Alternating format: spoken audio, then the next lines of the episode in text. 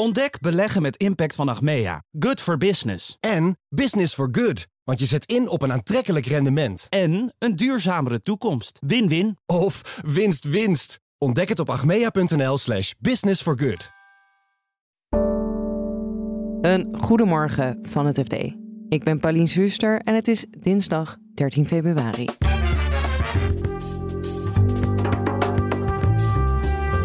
ING investeert in batterijen voor elektrische auto's. Juist nu bouwen die autofabrikanten eh, ja, die investering een beetje af. Dus is dat wel een goed moment dan om in batterijen te gaan investeren. De techgiganten zijn de grote investeerders in AI-startups. En niet alleen in geld. Als je een AI-bedrijf hebt, wat je eigenlijk vooral nodig hebt, is rekenkracht. Dat is eigenlijk de grondstof om een model te maken op het gebied van kunstmatige intelligentie. En ons belastingstelsel moet hervormd worden. Er zijn eigenlijk een aantal urgente zaken die, eh, die om een oplossing schreeuwen, om het zo maar te zeggen. Dit is de dagkoers van het FD. Voordat we beginnen, eerst even dit. Wil je onze verhalen niet alleen luisteren, maar ook lezen? Probeer dan het FD vier weken voor slechts 1 euro. Ga naar fd.nl/slash dagkoers en meld je aan. Batterijenfabrikant Automotive Cells Company heeft een flinke lening binnengehaald: 4,4 miljard euro. Een van de belangrijkste geldschieters is ING.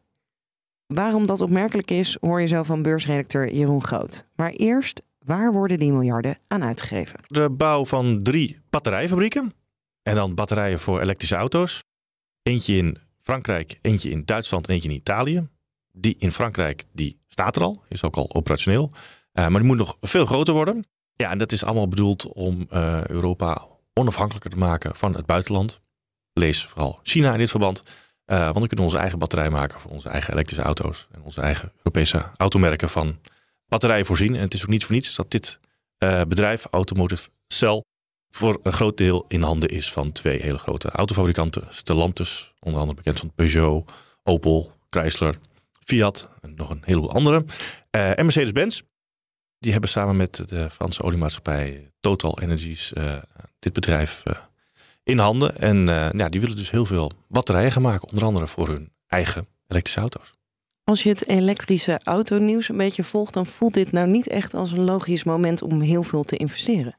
Ja, de timing is wel opmerkelijk. Want uh, we hadden bij het Financiële Dagblad zaterdag nou juist een groot verhaal over dat het niet zo lekker gaat met die elektrische autosector. De vraag staat onder druk. Um, het lijkt alsof de eerste golf is nu geweest. Lease-rijders hebben een elektrische auto. Early adapters. Maar ja, nu moet de volgende, de middenklasse, ook aan de elektrische auto. En dat hapert een beetje. Dat heeft ook te maken met subsidies en de afbouw daarvan. Dus ja, uh, juist nu bouwen die autofabrikanten ja, die investeringen een beetje af. Dus is dat wel een goed moment dan om in batterijen te gaan investeren. En waarom vond ING het dan toch een goed idee? Nou, die vonden het zeker een goed idee. Um, het is natuurlijk ook wel, uh, moet je bij opmerken, dat dit soort deals, het gaat om 4,4 miljard euro. Daar zijn ze natuurlijk al maanden, zo niet jaren mee bezig. Dus de timing is misschien een beetje ongelukkig. Maar um, het argument is vooral voor op de lange termijn. Gaat misschien een beetje in golfbeweging in de energietransitie. Maar op de lange termijn is er gewoon heel erg veel vraag naar elektrische auto's. Naar batterijen voor die auto's. En dan zit je goed met je investering in een uh, batterijfabriek.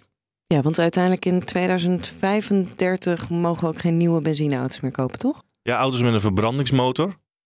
Dus dan zou je zeggen dat is gouden toekomst voor elektrische auto's. Daar lijkt het ook echt wel, uh, wel op. Er zijn wel wat uitzonderingen op. Waterstofauto's bijvoorbeeld. Of dan uh, mag je nog blijven rijden met uh, auto's met, met een benzine die op een synthetische manier is gemaakt. Niet uit aardolie. maar dat is naar verwachting een, een niche-markt. Dus ja, dat, dat die hele grote markt voor elektrische auto's, dat die, er wel aankomt, dat ligt op zich wel voor de hand. Wilde ING zeggen hoeveel geld zij nou van die 4,4 miljard ophoesten?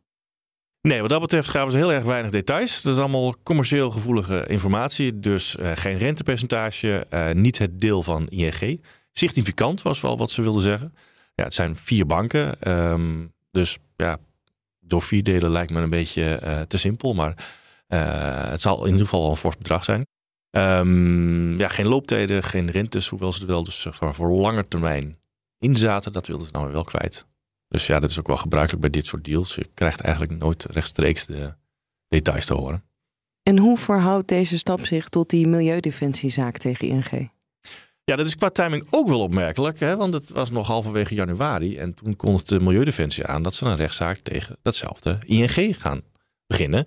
Omdat ING niet voldoende doet om de klimaatverandering tegen te gaan, zo vindt Milieudefensie. Ze eh, financieren namelijk allerlei vervuilende bedrijven die uh, CO2 uh, veroorzaken. Nou, dit is eigenlijk een hele groene investering.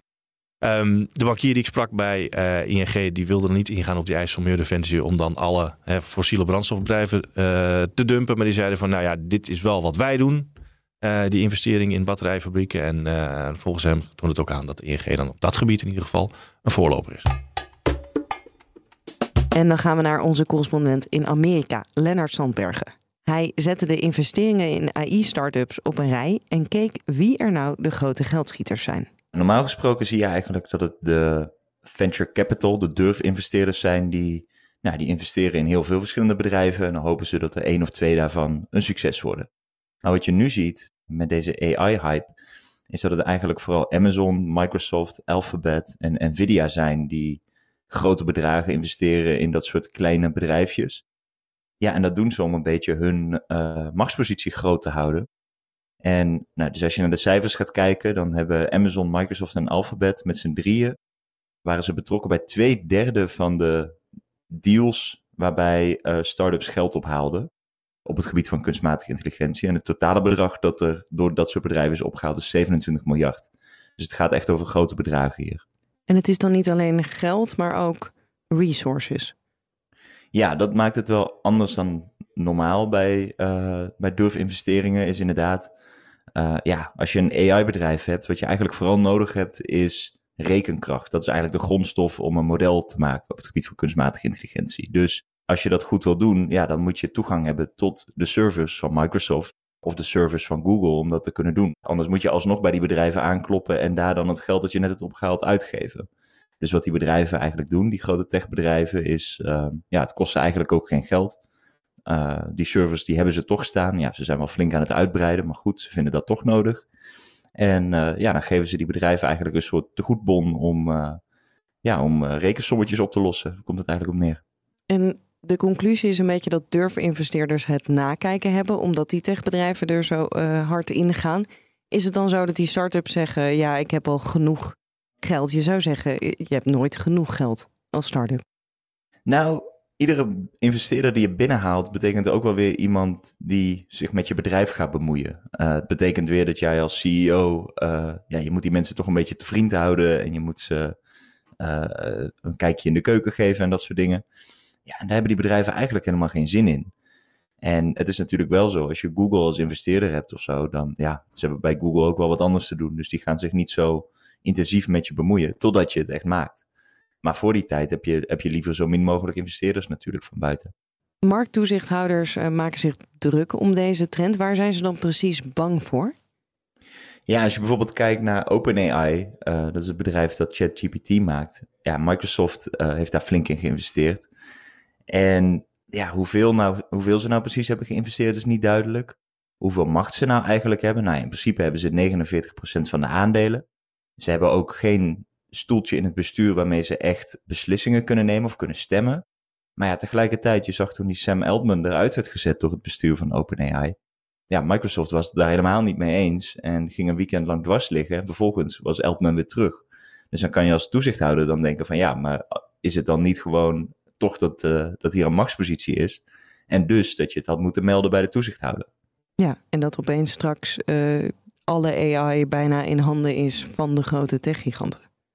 Ja, precies. Ja, dat is natuurlijk wat je als markttoezichthouder een beetje probeert te voorkomen. Je wilt toch graag hebben dat er competitie is op zo'n markt. En daarvoor moet je wel, ja, dan moet je onderzoek doen. En dat kan je pas doen als een bedrijf meldt van, hé, hey, we gaan iets overnemen. Ja, en dat gebeurt bij dit soort deals dus niet. En wat is de uiteindelijke consequentie als die toezichthouders wel dwars gaan liggen?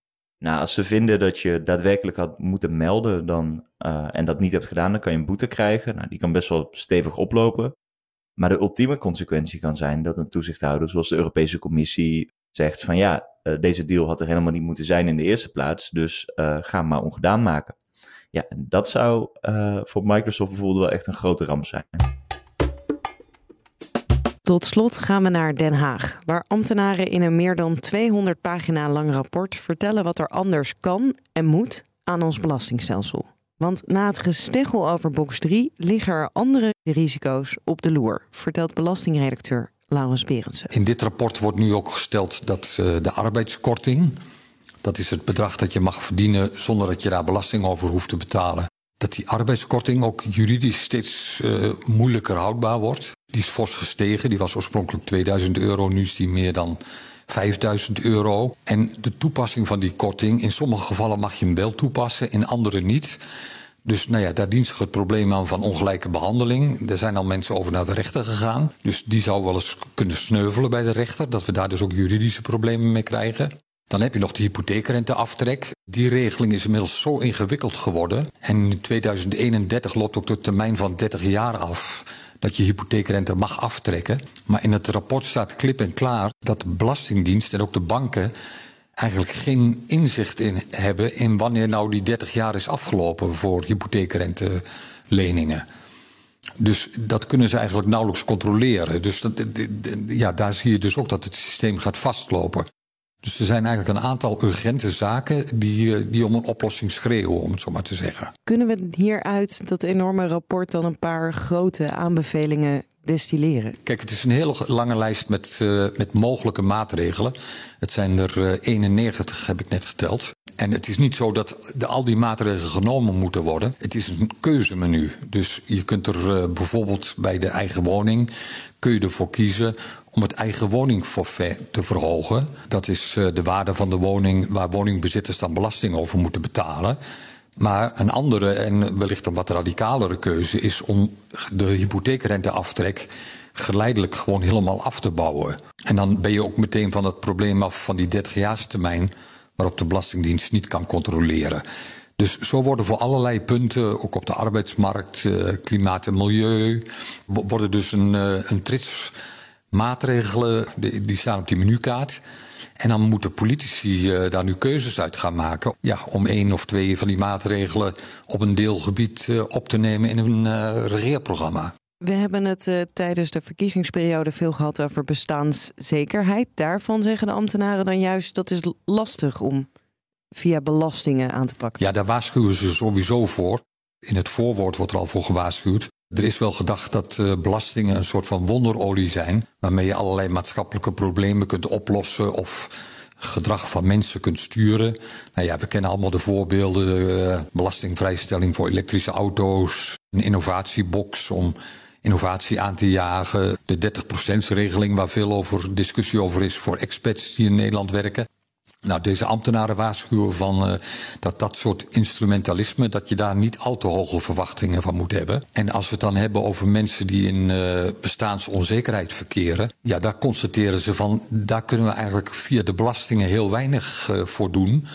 Althans via de inkomstenbelasting, want in de meeste gevallen betalen die geen inkomstenbelasting. Nou zou je die op een andere manier tegemoet kunnen komen, zoals het voorstel om de BTW op groente en fruit uh, te schrappen, of om daar 0% van te maken. Daarvan zeggen deze ambtenaren weer van, ja dat is zo'n ongerichte maatregel, die kost heel veel geld. En ook mensen met hogere inkomens, die gemiddeld genomen ook nog meer groente en fruit kopen dan uh, mensen met lagere inkomens, ja die profiteren daar ook volop van, terwijl dat voor die hogere inkomens helemaal niet nodig is. Dus, dus dat, dat, laat ook de beperkingen zien van wat je met de belastingen kunt.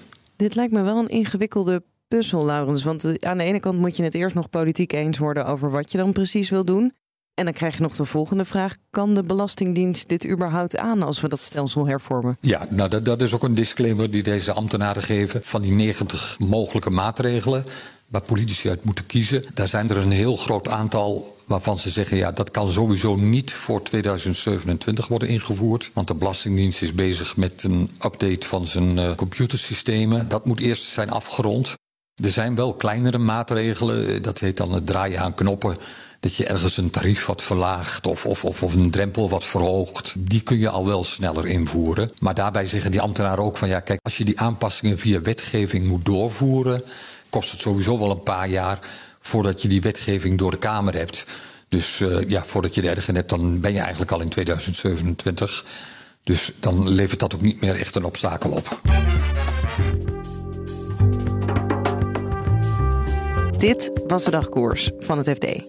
Morgenochtend zijn we er weer. Wil je de nieuwste aflevering niet missen? Abonneer je dan op Dagkoers in je podcast-app. Nog een hele fijne dag en graag tot morgen. Ontdek beleggen met impact van Achmea. Good for business. En business for good. Want je zet in op een aantrekkelijk rendement. En een duurzamere toekomst. Win-win. Of winst, winst. Ontdek het op achmea.nl slash business for good.